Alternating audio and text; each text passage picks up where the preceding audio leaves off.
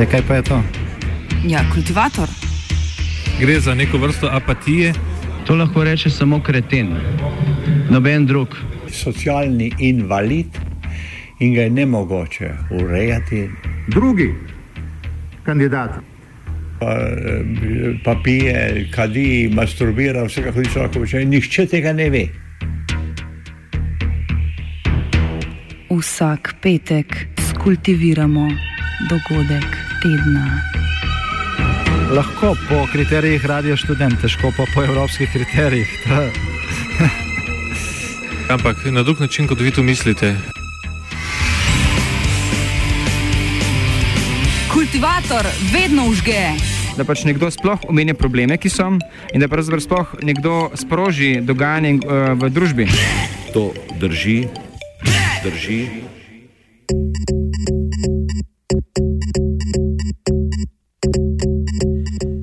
Ohranjena dolga roka dolga.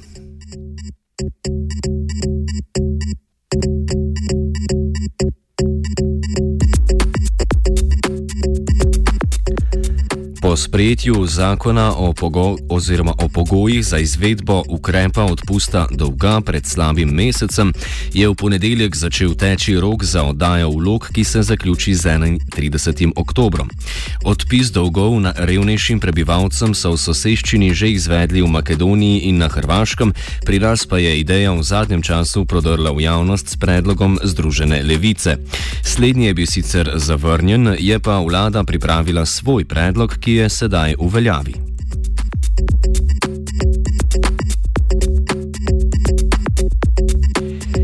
Kriteriji, po katerih se ugotavlja upravičenost do odpisa dolga, so zastavljeni relativno enostavno.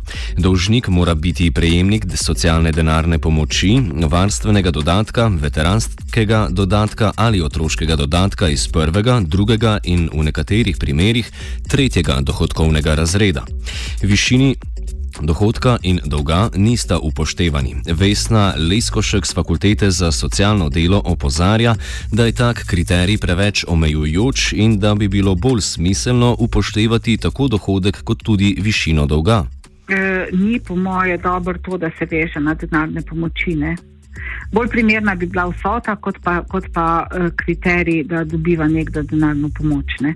Pogledamo potem tudi dohodek, če bi imel dohodek. Ne, bi lahko videli, da, ma, da, ma to, da imajo, se bom zdaj spet uz, uh, na, na te mlade družine, mi nekako najbolj na mizo prihajajo, ki so imale kredite v švicarskih frankih. Ne. Uh, lahko imajo čist uh, spodobne dohodke, uh, recimo nekje v povprečju, ne. uh, pa je kredit tako strašansko visok, da ga enostavno ne morejo plačevati, in jim to povzroča, da se jim zajeda potem tudi v druge dohodke, se pravi v razpoložljivo za hrano, obleko in, in uh, tako naprej. Uh, tako da višina dohodka ne more biti absolutno izključljiv kriterij. Ne? Simona Strnat z Centra za socialno delo Moste Polje meni, da so kriteriji smiselni, vendar. Da bi jih bilo treba dopolniti in sicer za eno skupino ljudi, ki hodijo k nam na izredne denarne socialne pomoči. Se pravi, da ne glede na dohodek so se znašli ne po svoji krivdi v hudi materialni stiski. To so pa starost, bolezen, krediti, dolgovi, nenadna izguba dohodka, pa je eden izmed partnerjev v družini oziroma član družine dohodkovno presegel vse te limite, uh, po katerih, uh, pravzaprav cenzuse mi rečemo, po katerih država odpisuje dolgove.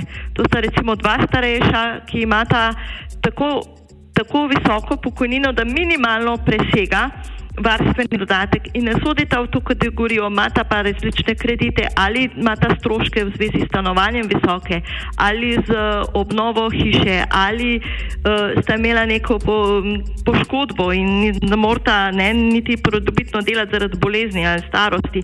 Te ne sodijo noter in so ravno tako v visokih dolgovih in pa tisti, ki imajo subvencije najemnine oziroma dolg na najemninah, te sicer mi pokrijemo z državno izredno pomočjo, ampak še vse dolgovi ostanejo.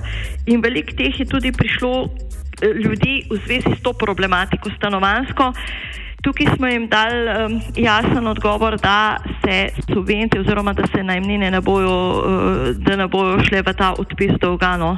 Glede na to, pa da država po zakonu daje točno določeno višino pomoči, ko jo lahko damo, kasneje mi ne moramo več pomagati. In temi manjkajo, da, da ljudje, ki imajo odločbo Centra za socialno delo o pravici do izredne denarne pomoči, niso bili zajeti v to skupino. To mi je edino, kar mi manjka.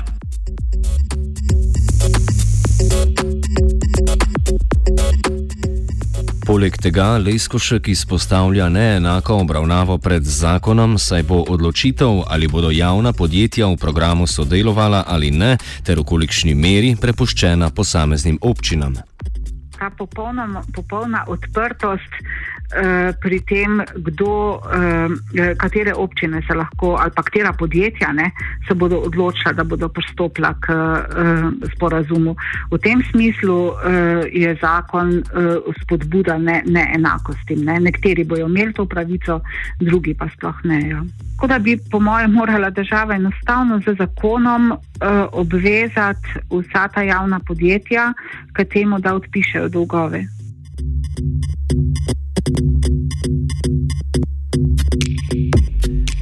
Brez takšne obveze se mnoga podjetja niso vključila v program. Simona Strnat našteje nekaj panog, kjer bi se po njenem mnenju moralo vključiti več podjetij. Bi rekla, da tukaj mi manjkajo tudi, tudi firme, ki, so, ki niso se prijavile zraven, imajo ljudje še razno razne druge dolgove, ne, sam se niso zdaj vsa podjetja prijavila v ta, v to, v ta odpis dolgov, tako da tukaj bi jaz še kakšno podjetje dodala. Banke mi nekatere manjkajo, tudi upravitelji nekateri manjkajo, mislim, da sta samo SPL pa še ne nekaj, tako da te upravniki, no, pravzaprav uh, stanovanskih poslopi niso vsi noter.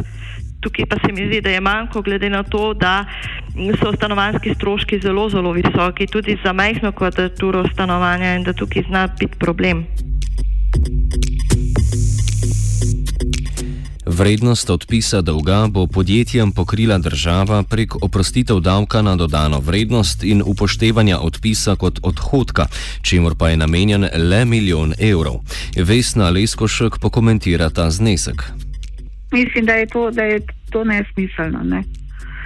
Uh, če se ravno zaradi tega, ker je tako strašansko selektivno, ne, to sem glih to me je najbolj presenetilo, uh, da so potem uh, uvedli kriterij, kdo prvi Eh, plača prvi dobi, ali kako že ne, kdo je prvi v vrsti, uh, je prvi upravičen. Ne? Tako da ljudje na nek način silijo, da tekmujejo med sabo za neko možnost, ki jo je država dala, pa hkrati tudi ne. ne? Se pravi, dala je jim tisti, ki bodo najhitrejši, vsi ostali bodo pa potem uh, odpadali. Ne?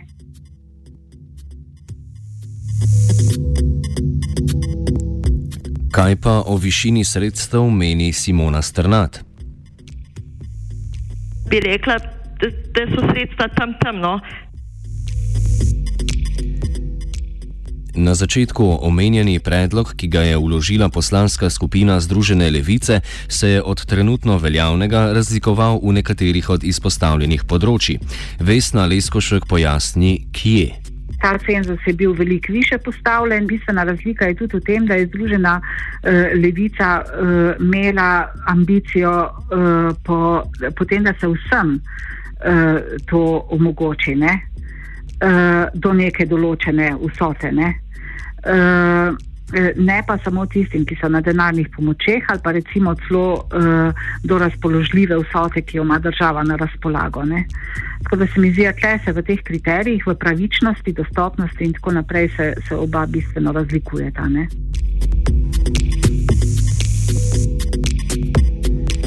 Odpis dolga, ki smo ga implementirali v Sloveniji, je torej dobrodošel, a na mnogo področjih pomankljiv.